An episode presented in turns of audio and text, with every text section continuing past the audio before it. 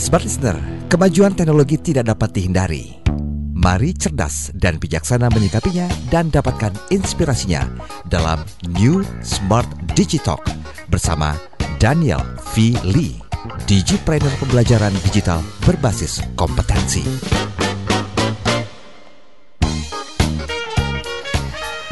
Saya terus terang eh, butuh perjalanan yang sangat panjang sekali untuk bisa memiliki gaji sekian juta begitu ya.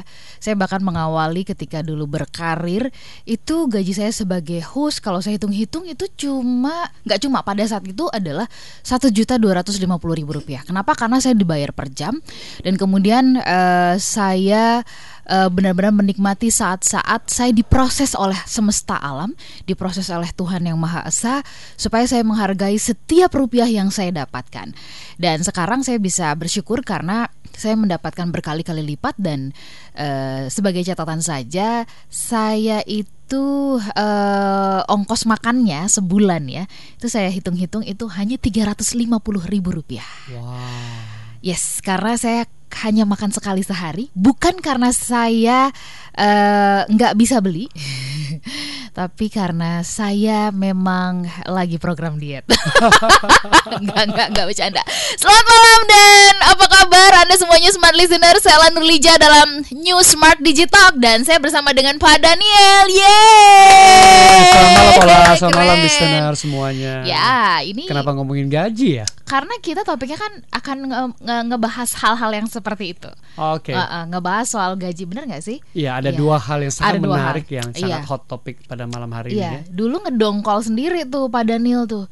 Hah? Satu juta dua ratus lima puluh ribu rupiah dapat apa nih gitu? Tapi hmm. kemudian ketika saya syukuri itu, saya benar-benar di uh, apa ya diajar uh, ada sebuah kalimat bijak Pak Daniel hmm. yang akhirnya sampai sekarang saya masih pegang uh, yang mengatakan cukupkanlah dirimu dengan apa yang ada padamu. Setuju banget. Jadi Setuju banget. saya sangat mencukupkan diri saya. Setuju banget. Saya uh, makan satu kali sehari itu bukan karena sama sekali nggak mau, memang kemampuan perut saya untuk menampung makanan cuma segitu doang. Berarti bersyukur juga punya perut yang kecil ya. Iya.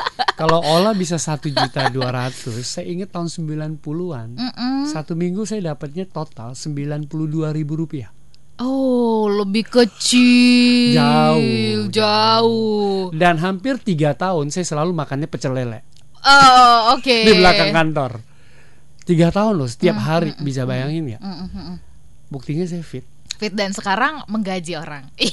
Iya. Tengah bisa lakukan bisa itu. Bisa ya. lakukan itu. Oke, kita mau simak dulu apa yang sudah disiapkan oleh tim produksi kami ya, buah pemikiran dari Pak Daniel supaya kemudian kita semakin paham, semakin ngerti kira-kira apa yang kita mau bahas malam hari ini. Kita Betul. simak bersama-sama. Yuk.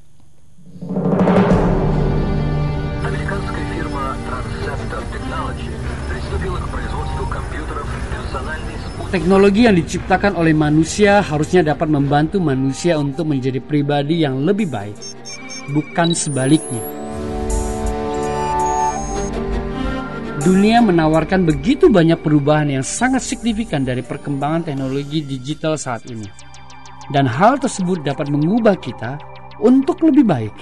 Atau sebaliknya, dengan cepat pula kita akan menjadi sangat jahat. Coba lihat kasus baru-baru ini.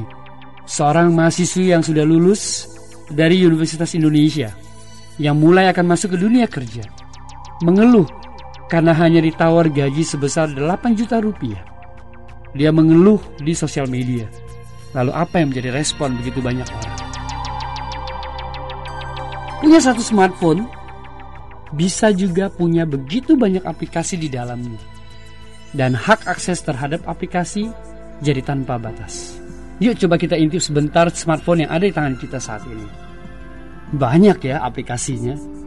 Selain aplikasi untuk financial, WhatsApp, Telegram, dan ojek online, kita punya aplikasi-aplikasi apa lagi ya?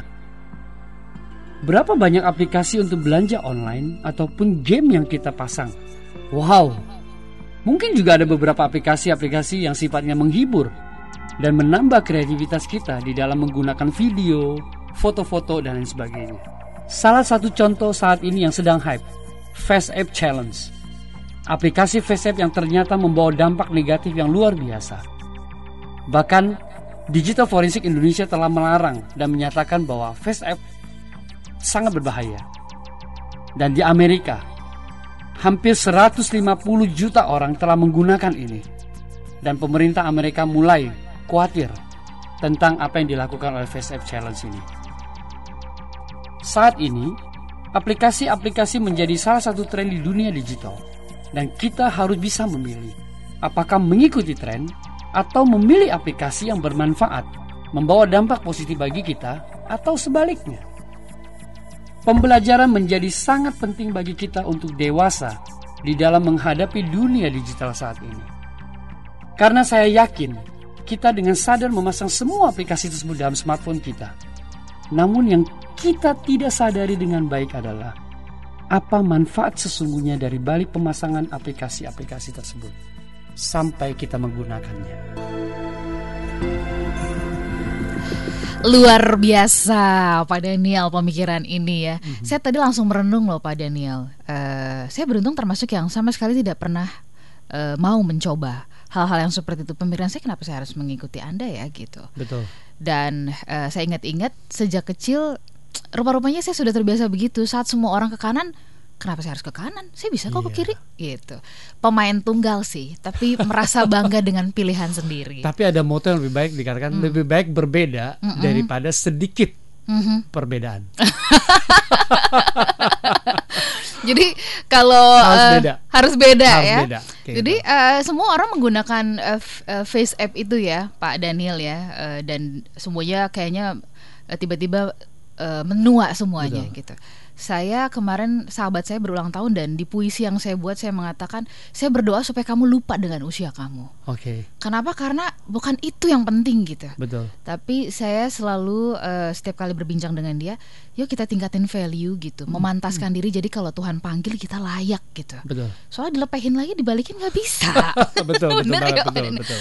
Pak Dani, apa yang kemudian menjadi kegelisahan Anda berkaitan dengan gaji 8 juta tadi? Soal angkanya atau soal apanya nih gitu ya? Silakan. Oke, okay, menarik. Tadinya tuh saya nggak terlalu memperhatikan gitu di Twitter gitu ya.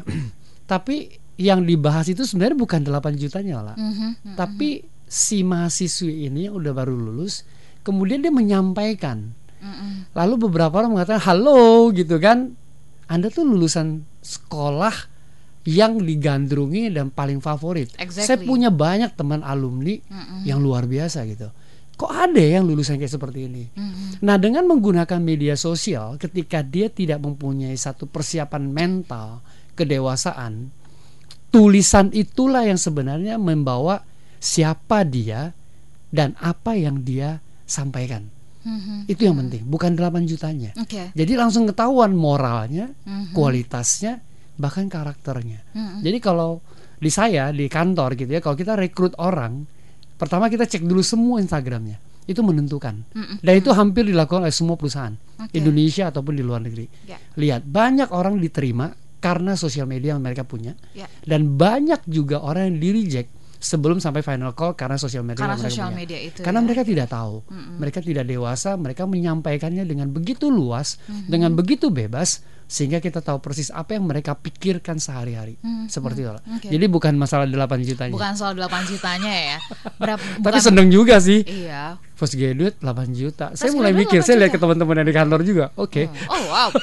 Ngeri juga ya saya ya gitu nanti. Dan itu by the way jadi hot yeah, topic loh di Kompas topic, dibahas yeah. sama Menteri Keuangan juga. Yeah. Perhitungan pajaknya supaya kita mengedukasi masyarakat kalau tentang hmm. 8 jutanya untuk sebuah perusahaan itu banyak sekali hal yang harus diperhatikan. Betul. Bukan hanya 8 jutanya Bukan hanya 8 juta. Betul. Iya, uh, Pak Daniel, barangkali nanti smart listener bisa mendalami ini karena apa yang kemudian kita posting gitu ya, itu kan menimbulkan persepsi. Betul, betul ya. Betul. Dan minggu kemarin kita bahas apa yang kemudian kita baca, kita tonton itu hmm. akan mempengaruhi pemikiran kita dan betul. akan mempengaruhi keputusan kita dan akan mempengaruhi perilaku kita. Betul. Kalau apa yang kita tonton salah, pemikiran salah, perilaku salah, ke, eh sorry keputusan salah udah pasti perilaku salah dan nah. hasilnya nah, juga pasti salah. Nah, yang menarik hmm. adalah kita mempertontonkan itu Mm-mm. melalui smartphone yang kita punya. Oke. Okay. Tanpa kita sadari. Iya. Dan orang punya reaksi banyak sekali. Nah itu yang mau kita bahas. Baik, smart listener dan juga sahabat yang bergabung, Anda boleh sharing pengalaman Anda, mungkin ada di sekitar Anda Betul. yang melihat teman, sahabat, kolega eh berantem di sosial media Hmm. atau saling membongkar aib masing-masing gitu ya. Exactly, itu yang banyak. Pasangan gitu ya, Betul. mungkin yang sudah mau berpisah, yang selingkuh apa dan itu dibongkar di sosial media. Bagaimana pendapat Anda? Yang terbaru em, yang bikin kita miris juga ada sepasang kekasih yang dia dendam gitu Oh, iya. ya sama kekasihnya karena tidak mau diajak untuk berhubungan seksual. Lalu kemudian dia sebar foto telanjang Iya. pacarnya. Oh my god. Apa pendapat Anda tentang hal ini? Silahkan Anda boleh kasih pendapat sharing di 0812 11 12 959 karena tujuannya dari program ini adalah mengembalikan kita untuk menjadi human being, Yes. bukan menjadi eh, sekedar menjadi human doing. Kami jeda sesaat tetap bersama kami. Oke. Tetaplah bersama kami. New Smart Digitalk bersama Daniel Fili.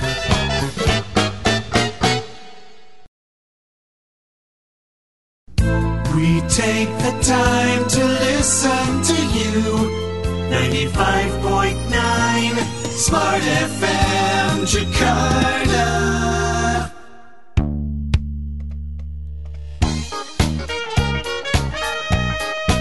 Kembali Anda ikuti New Smart Digitalk bersama Daniel Fili. Smart listener dan juga sahabat yang bergabung eh, Perbincangan malam hari ini eh, semakin mengkerucut ya Kalau minggu kemarin atau sebelumnya eh, Pak Daniel mengatakan Ini di era disruption seperti ini yang digitalisasinya tuh udah semuanya masuk begitu Bagi, apa kabar dengan dengan eh, mental kita? Apa kabar dengan eh, rasa kita Betul. gitu ya? Itu yang kemudian harus makin ditajamkan. Dan malam hari ini kita mau membahas efek. Nah, Efeknya, ya. efek dari eh, mungkin nanti kita gali lebih dalam efek dari kemudian kira-kira si em, ya kita sebutlah si bunga begitu ya, Ya. yang bilang dia nggak mau digaji 8 juta itu. Kira-kira menurut Bapak ya menurut Pak Daniel dengan dia memposting itu satu kira-kira respon orang terhadap dia itu akan gimana sih? Gitu ya persepsinya.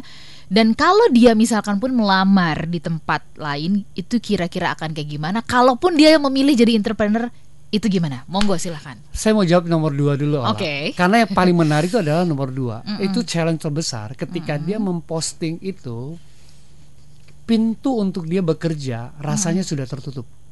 Apalagi udah viral. dia nutupin sendiri Dia ya? menurut sendiri. Nah ini yang Oh saya sangat God. sayangkan gitu. Mungkin saya menyadari yang katakanlah si bunga tadi dia tanpa menyadari tentang efeknya gitu. Karena dari tulisannya itu kemudian dibilang hello gitu kan.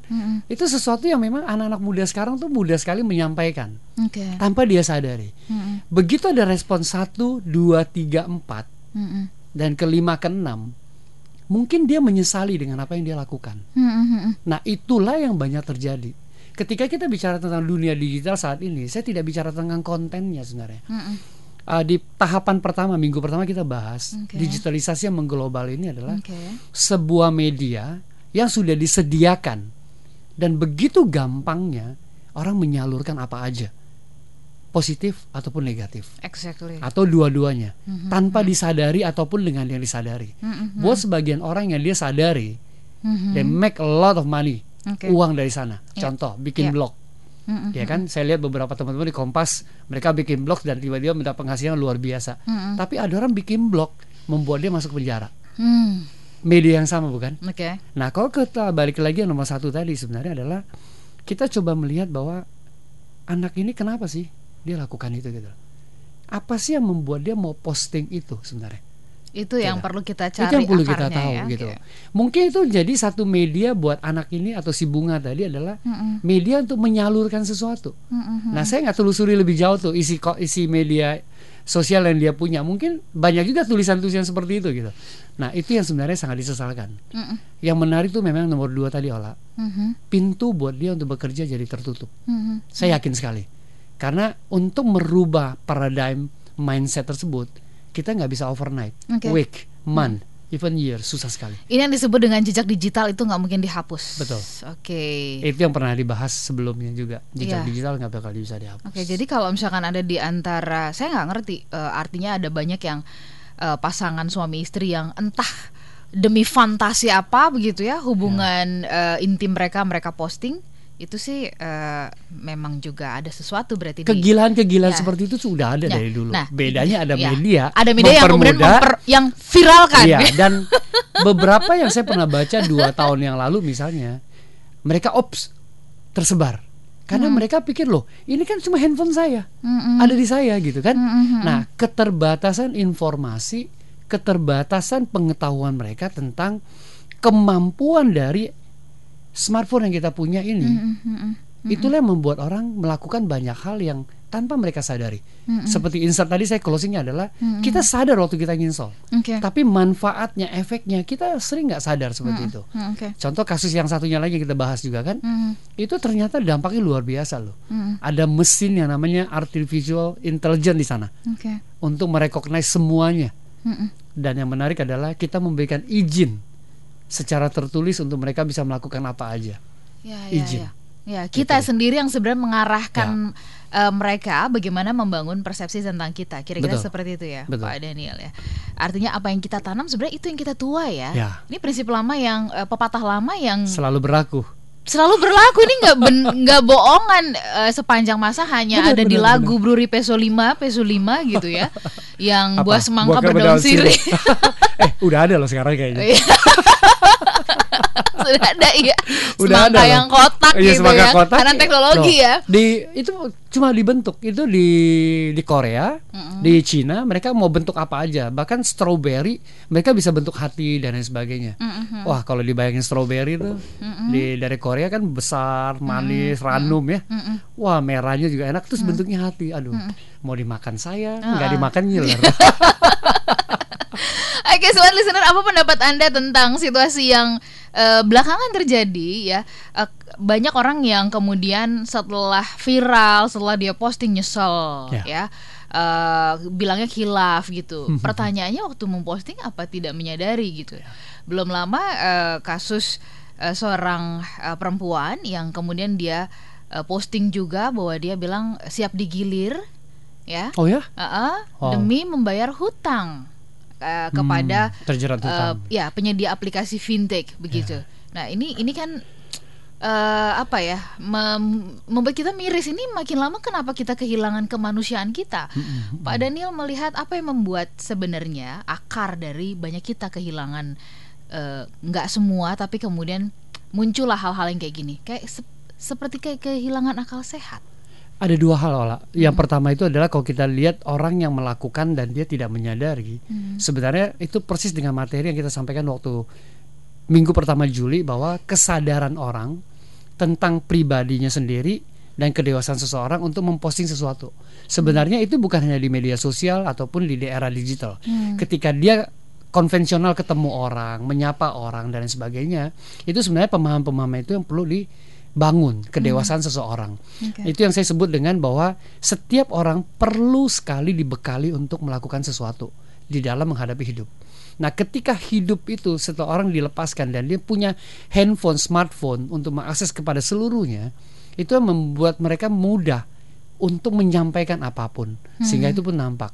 Nah, yang kedua sebenarnya adalah kita lihat dengan adanya teknologi dan digitalisasi ini bisa dimanfaatkan orang untuk berbagai hal.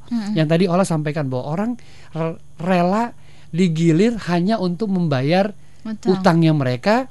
Kenapa? Karena dia terjerat hutang melalui Mm-mm. online. Online. Online. Nah, Iya. yang saya mau sorot adalah tadi saya juga dengerin di di sebuah berita bahwa seseorang dituntut kenapa? Karena foto-foto dan juga tagihan utangnya disebar Mhm. karena dia telat dua hari Iya, tidak iya, bayar. iya. Itu dari komunikasikan. Mhm. Dan inilah yang kesempatan yang dipakai oleh orang-orang yang tidak bertanggung jawab untuk menjalankan bisnis. Mhm. Dan itu kenapa terjadi? Kita juga yang salah. Kenapa? Oke. Coba bayangin, kita mau pinjam uang 5 juta sekarang. It's very very easy. Coba bayangkan kalau kita mau ke bank, ribetnya setengah mati. Kita nggak mau ribet, maunya gampang. Hari pinjam besok keluar. Mhm. Dua hari nggak bayar, semua orang tahu di dalam jaringan kita. Seisi kontak handphone Nah. kita, kita tahu eh, mereka tahu loh Mereka kita tahu. berhutang gitu. Kenapa? Ini yang kita tidak sadari. Ketika kita minjem, kita dapetin duitnya. Waktu kita ngeklik, semua kita allow, semua kita izinkan untuk si orang tersebut Mengakses mengakses. data. itulah kesalahan pertama dan utama yang paling sering kita lakukan dan kita nggak sadar. Bahkan Kar- kita nggak baca. Ya, karena kita nggak mau baca, salah. yang penting cepet klik Yes, klik klik. karena kita klik, mau duitnya gitu. sekarang. Ya, Tapi begitu duit kita terima, halo teman-teman, semua yang kita lakukan pasti ada konsekuensinya. Mm, mm, mm, Jadi lebih baik kita menahan diri, memikirkan ulang dengan lebih baik mm, mm. dan lebih bijaksana. Oke. Itu mungkin akan membuat kita lebih baik, saya pikir. Mm, mm, mm, Oke. Baik, kita masih punya kesempatan yang cukup luas untuk berbincang di kesempatan malam hari ini. Apakah Anda juga memiliki kegalauan yang sama ya? Eh, tetapi ujung dari perbincangan ini nanti kita juga mintakan ke Pak Daniel untuk mengingatkan atau memberikan tips gitu ya. Boleh. Eh, bagaimana supaya kemudian kita tidak em, eh, ya terjebak kepada situasi yang seperti sekarang ini. Nah, eh, kasus yang lain yang selain tadi soal digilir itu tadi, balik lagi kepada kasus eh, bagaimana kemudian eh, ia memposting ya eh, soal angka 8 juta yang tidak mau di, di, di artinya tidak mau digaji. Pertanyaannya Pak Daniel, apakah ini juga berkaitan dengan apa yang dia pelajari, apa yang dia dapatkan selama dia kuliah begitu? Apakah Bapak melihat ini ada kaitannya bahwa betapa rendahnya soft skillnya gitu, itu hanya akademis saja yang mungkin saja tinggi? Sementara ini kalau menurut pengamatan saya saya tidak bisa bilang eh, bahwa itu dari pendidikan sekolah ataupun universitas yang bersangkutan. Karena saya empat tahun pernah di manajemennya binus saya tahu sekali. Kita punya standar yang tinggi kita punya value yang tinggi sebagai institusi sekolah. Tapi begitu orang yang masuk untuk menjadi student itu dari latar belakang yang berbeda sekali. Saya kasih contoh yang paling gampang. Ini saya lihat dengan mata kepala sendiri waktu Oke. kita di Binus ya.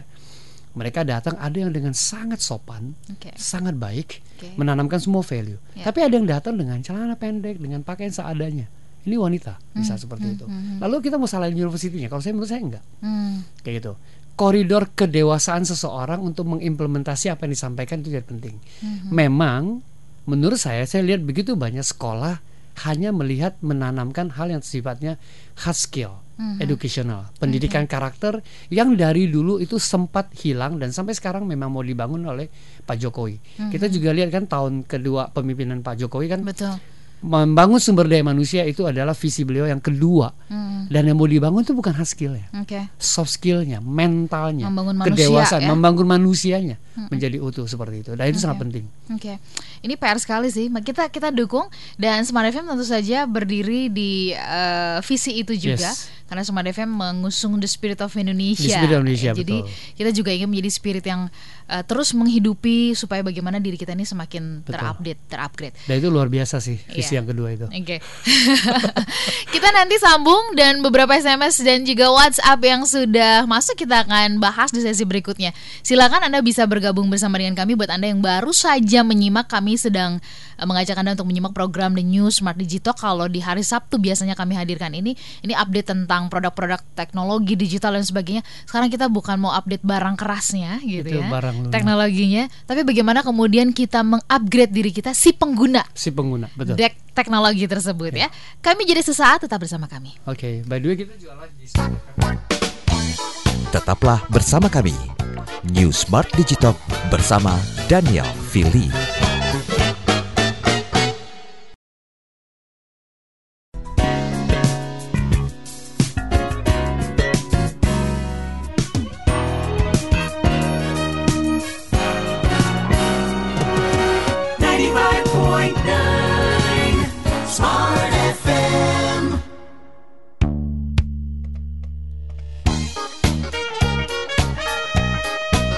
Kembali Anda ikuti New Smart Digital bersama Daniel Fili.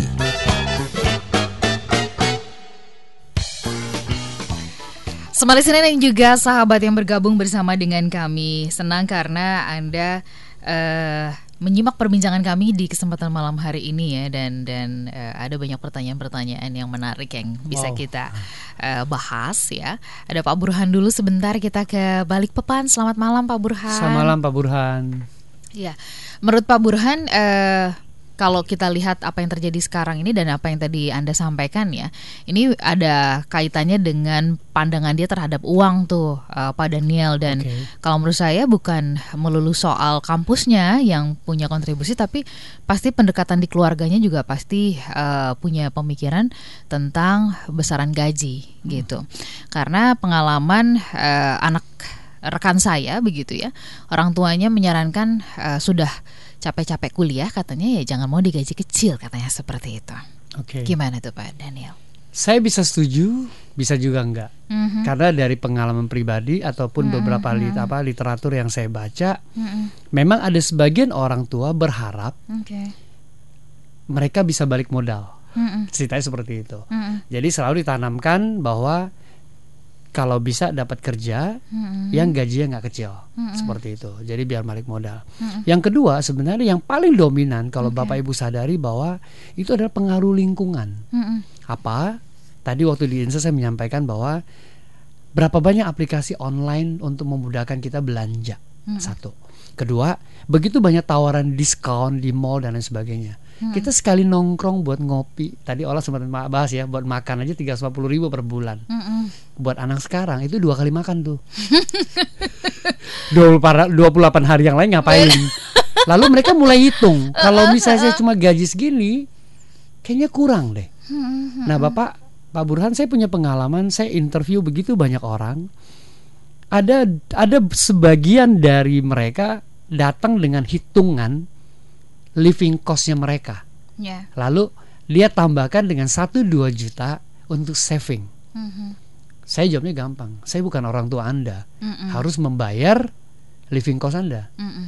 Anda datang ke kami untuk ngelamar kerjaan, apa kemampuan Anda ataupun value yang Anda punya untuk kami tukarkan Mhm. dengan hasilnya yaitu gaji. Betul, betul. Atau kalau Anda datang masih mau belajar, saya orang yang giat belajar, lalu saya pasti bisa belajar.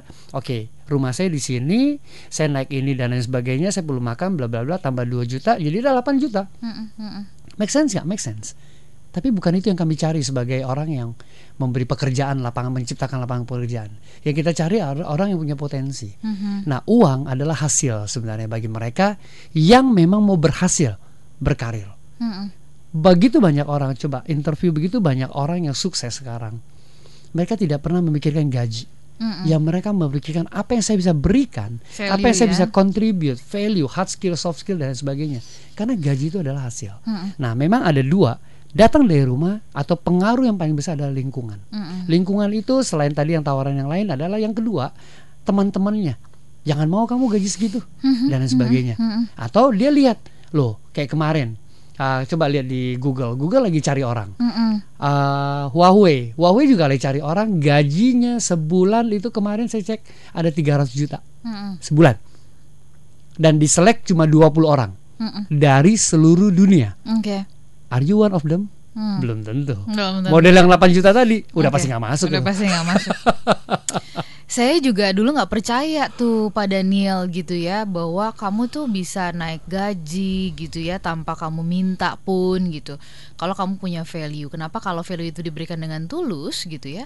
Semesta juga pasti akan lihat loh gitu. Pasti. Dan saya membuktikan itu. Saya 18 tahun bekerja tidak pernah minta gajinya naik. Sama, 18 tahun. sama. Bahkan kemudian justru, wah ya gitu deh. Panjang ceritanya. Panjang cerita. Tidit, itu bagian yang Oke, harus di nanti di- lah ya. di- nanti, Nanti, lah ya off air lah Kita ya. live aja kalau mau itu itu ketemu. itu nanti akan saya ceritakan di Instagram nanti. Boleh, Eh, kapan-kapan ya. Kalau ada yang tanya Instagramnya apa kebun olah. Iya, saya sedang menulis sebuah buku tentang my my story gitu ya. Uh, authority and responsibility. Oke. Di situ ada bagian saya ceritain. Mm-mm. Itu sangat menarik sih. Sangat Tinggal menarik tunggu ya. Kemudian kita ke eh, SMS yang berikutnya ada Fatahilah Woi, Fatahillah. di Jakarta. Namanya Fatahillah. sesuai dengan ini ya. Em, Museum Fatahillah. Museum Fatahillah ya. Selamat malam Fatahillah. Baik. Ini pertanyaan beliau adalah Pak Daniel, apakah kemudian dengan apa yang anda sampaikan eh, tadi kan sempat dikatakan ya kita harus berani berbeda, tetapi eh, sekeliling kita kan semuanya misalkan menggunakan baju merah. Kalau kita tidak menggunakan baju merah, kita pasti akan dianggap satu tidak cerdas katanya begitu ya, Eh, lemot gitu ya, dan kemudian tidak update. Nah itu bagaimana tuh Pak Daniel? Sangat menarik nih, uh, Fatahillah. Uh, anda lemot tidak update itu kalau aturannya semua orang bilang harus pakai baju merah dan kamu nggak pakai baju merah. Mhm. Nah, kita tidak bicara tentang konteks itu. Kita bicara semua orang menawarkan. Lalu kita memilih, apakah saya memang harus pakai baju merah? Mhm. Contoh, semua orang pakai baju merah. Ah, enggak, ah. saya pengen pakai putih dan saya nggak punya baju merah. Dan kalau saya tetap pakai baju kok sebenarnya, kayak gitu. Dan kenapa jadi lemot? Enggak, saya berani beda. Saya confidence kok seperti itu. Mhm. Nah, ini tergantung dua hal. Kalau aturan, jangan sampai habis dengar radio ini lalu aturan kita harus beda gitu ya. Sementara semua orang peraturannya pakai seragam dia nggak pakai seragam. Kenapa harus beda? Itu itu beda ya. Bukan hal seperti itu. Tapi yang saya sampaikan adalah ketika dunia digitalisasi mengglobal, tawaran itu datang ke kita bertubi-tubi. Kita harus berani beda untuk memilih mana yang menurut kita benar, baik dan tahu manfaatnya kita ambil seperti itu. Itu bedanya di situ maksudnya. Oke. Kayak gitu. Bedanya harus di situ ya. Harus di situ. Oke. eh oke masih ada waktu sebelum kita jeda ada Reza yang bergabung bersama kita dari Bekasi Selamat selamat, malam, malam, Reza, Eh, Pak Daniel eh, mungkin kalau sekarang ini kan banyak orang yang pengen menunjukkan dirinya ya, eksistensi begitu ya kalau dari ceritanya anda tadi bicara soal ada yang posting soal 8 juta kemudian yang eh, video porno dan sebagainya apakah ini menunjukkan bahwa kurangnya confident diri ya Pak Daniel ya sehingga Kalau- kemudian yaitu dia memposting supaya dapat eh, respon like dan sebagainya silakan Kalau menurut saya itu sangat confidence anaknya. justru Justru sangat confidence. oke Tapi confidence yang tidak tahu arah ke mana seperti itu. Hmm. Nah ini menarik nih. Tadi siapa namanya? Eh, Reza Reza. Reza di Bekasi Reza, media sosial sekarang itu justru adalah satu tempat yang sangat positif untuk Anda menampilkan Mhm. siapa Anda dan kemampuan Anda. oke Jadilah seorang blogger yang baik. Jadilah seorang YouTuber yang baik. Mm-mm. Postinglah konten-konten yang membawa manfaat bagi banyak orang. Mm-mm. Membawa hal positif bagi orang lain. betul Contoh yang paling gampang sekitar lingkungan Anda. Anda angkat masalah kemiskinan, ketelantaran, lalu mengajak pemerintah untuk ikut terlibat atau lingkungan terlibat. Atau Anda kalau Anda pelajar, Anda bekerja, lihat hal positif untuk membawa orang untuk mengarah ke positif. Itu jadi konten yang luar biasa. Di situ Anda menunjukkan satu confidence luar biasa. Jangan yang sebaliknya. Itu loh maksudnya. oke Mudah kan? udah udah Tapi kalau kita nggak nyampe pemikiran untuk berbuat baik, Hmm. konten itu nggak pernah ada. Jadi yang dipengaruhi apa? Mindset. mindset ya. Baik, smart listener dan juga sahabat yang bergabung, kami masih punya kesempatan eh, di satu sesi yang terakhir ya. Nanti Waduh, kita coba sekali gali, kita tajamkan. Kalau begitu, Pak Daniel, supaya kemudian kita lagi-lagi, saya nanti minta tips gitu ya. Apa yang bisa dilakukan oleh kita? Satu, eh, menjaga kewarasan tadi ya, Ya. supaya kemudian pada saat kita posting kita punya kesadaran yang tinggi. Karena tadi Pak Daniel menanamkan atau menggarisbawahi beberapa kali soal kesadaran apa, kesadaran dan tujuan ya pada saat kita memposting itu. Nah, bagaimana membangun itu? Anda bisa pergunakan line SMS dan juga WhatsApp kami di 0812 11 12 959. Nah, kalau buat Anda yang tadi siang eh, sempat hadir ikutan acara kami ya, Oh, iya. eh, Business Lunch AQ for Life Success, yes. Ini ini bocoran aja di bulan Oktober ya, eh Desember ya. Rencananya akan ada kolaborasi Ya. antara Pak Daniel dengan Pak Antoni Dio Martin. Betul. Saya bocorin dari sekarang dulu supaya jadi. Oh, jadi punya komitmen. Punya komitmen jadi Betul, semesta mendengarkan tuh. Terima kasih Ola. Oke gitu Dan ya. semua orang mendukung dalam doa ya. Ya, semua orang supaya mendukung dalam realisasi. doa. Oke, kami jeda sesaat tetap bersama dengan kami dalam New Smart Digitalk bersama dengan Pak Daniel di Philly. Terima kasih. Tetaplah bersama kami. New Smart Digitalk bersama Daniel Fili.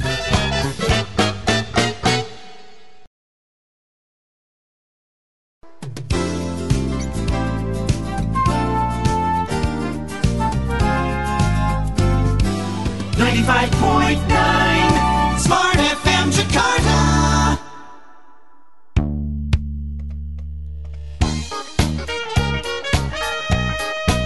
Kembali Anda ikuti New Smart Digitalk bersama Daniel Fili.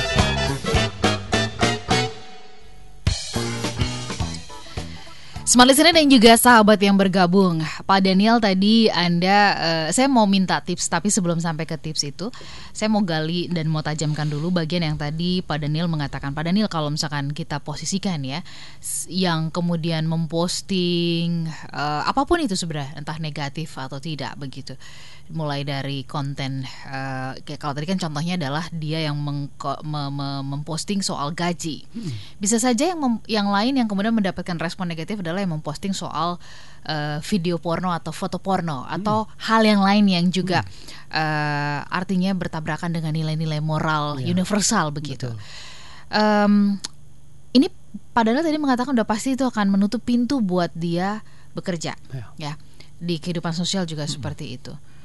Adakah kalau menurut Pak Daniel cara yang bisa dilakukan untuk kemudian memperbaiki kepercayaan orang yang udah rusak terhadap dia? Nah, kan itu- manusia perlu atau bisa dapat kesempatan kedua. Kesempatan selalu ada, Ola. Ketika kita memang mau bersungguh-sungguh dan menyesali.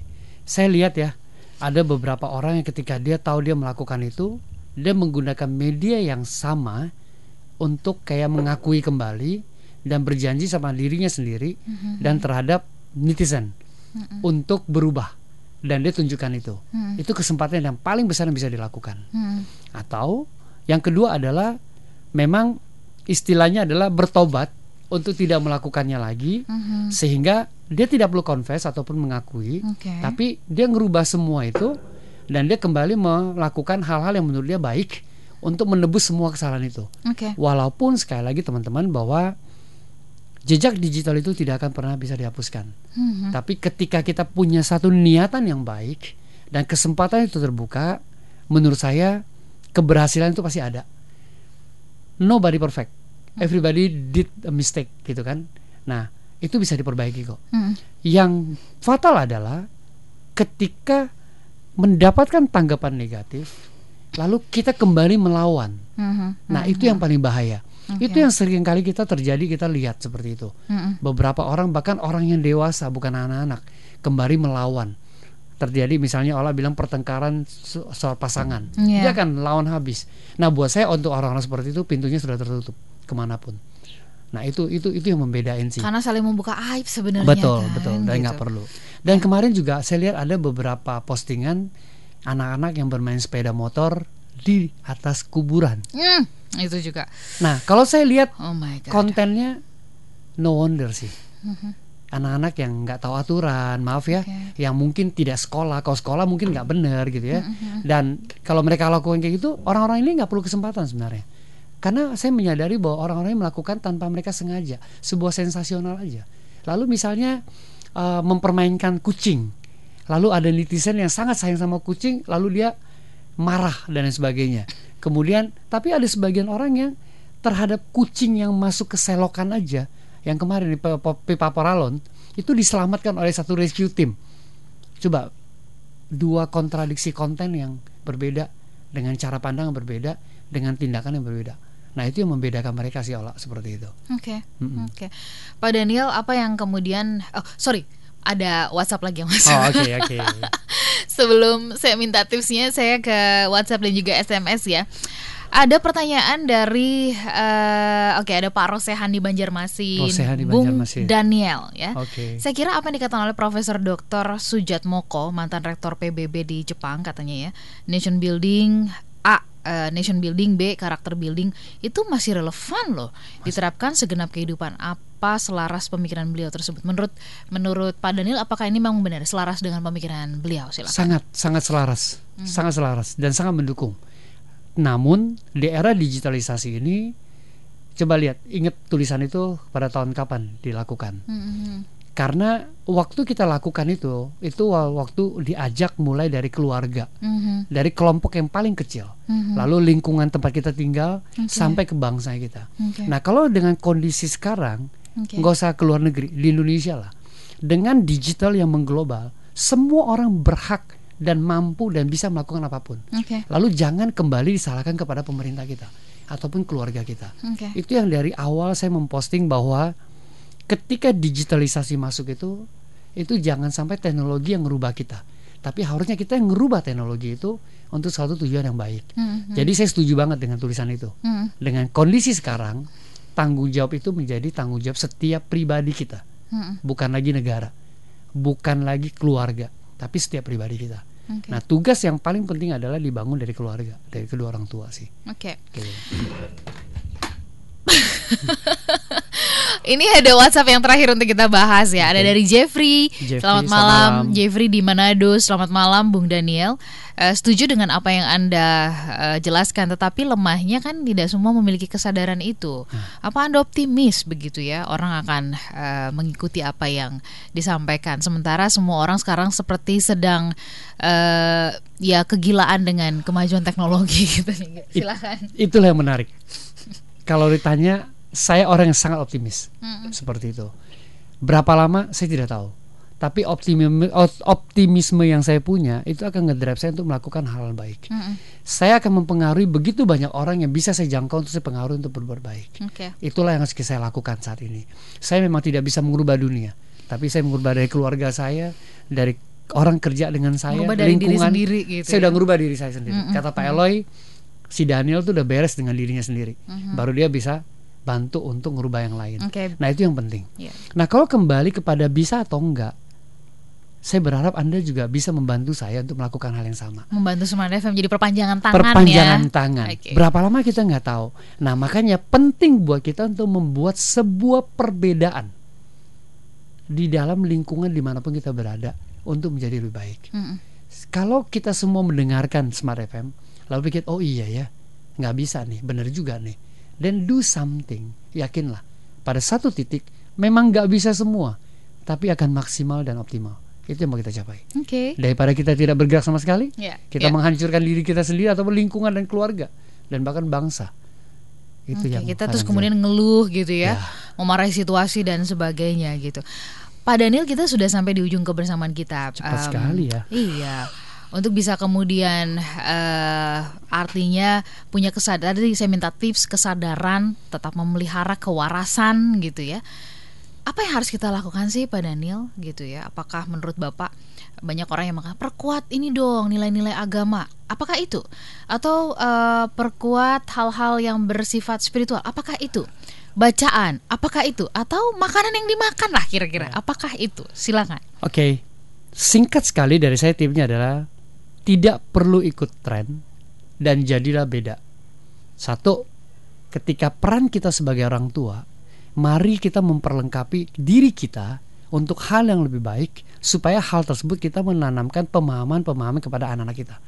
Sebagai pimpinan di perusahaan ataupun sebagai manajer, tim leader dan sebagainya, perlengkapilah diri kita juga supaya kita bisa menjadi contoh yang baik buat tim-tim member kita yang lainnya. Oke. Nah, kalau kita menjadi seseorang yang mempunyai tanggung jawab di warga negara, kenegaraan, lembaga-lembaga tinggi dan lain sebagainya, ayo perlengkapilah diri kita untuk menjadi dewasa dan menjadi uh, orang yang tahu membedakan mana yang baik, mana yang buruk, mana yang harus kita buang, mana yang harus kita terus uh, sosialisasikan supaya setiap orang menjadi dewasa dan melakukan hal-hal yang baik dan membawa dampak yang positif ke orang lain. Oke. Nah, kau tanya bagaimana? Banyak hal. Banyak hal. Saya meyakini dalam diri setiap manusia punya satu karakter yang baik untuk dilakukan. Nah, pertajam itu.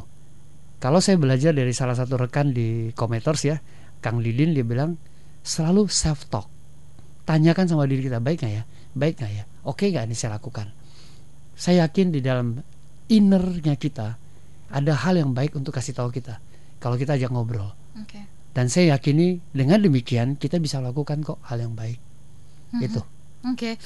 Smart listener dan juga sahabat yang bergabung eh, tetap menyimak perbincangan kami pekan depan. Eh, apa yang tadi disampaikan oleh Pak Daniel, saya yakin ini benar-benar mengingatkan kita. Barangkali ini masih sesuatu yang kurang populer, begitu ya. Ya.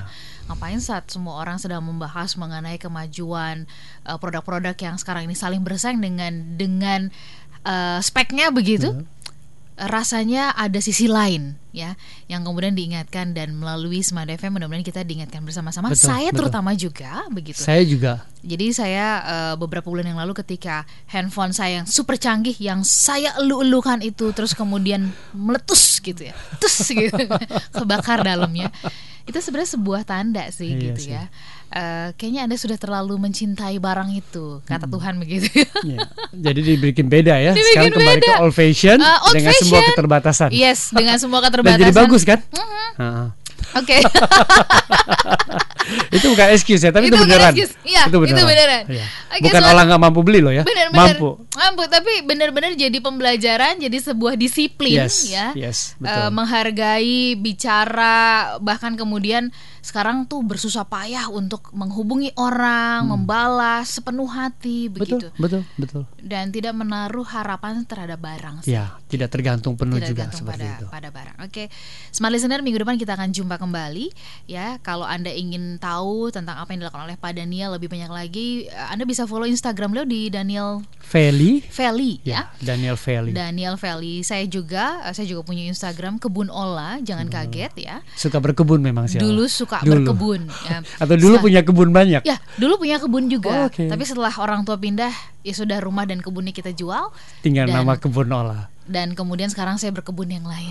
Oke, Ini menarik. pekerjaan saya saya anggap adalah ladang juga kebun. ya. Yes. Kebun juga. Oke, menarik. Minggu depan kita akan bahas topik yang tentu tidak kalah seru.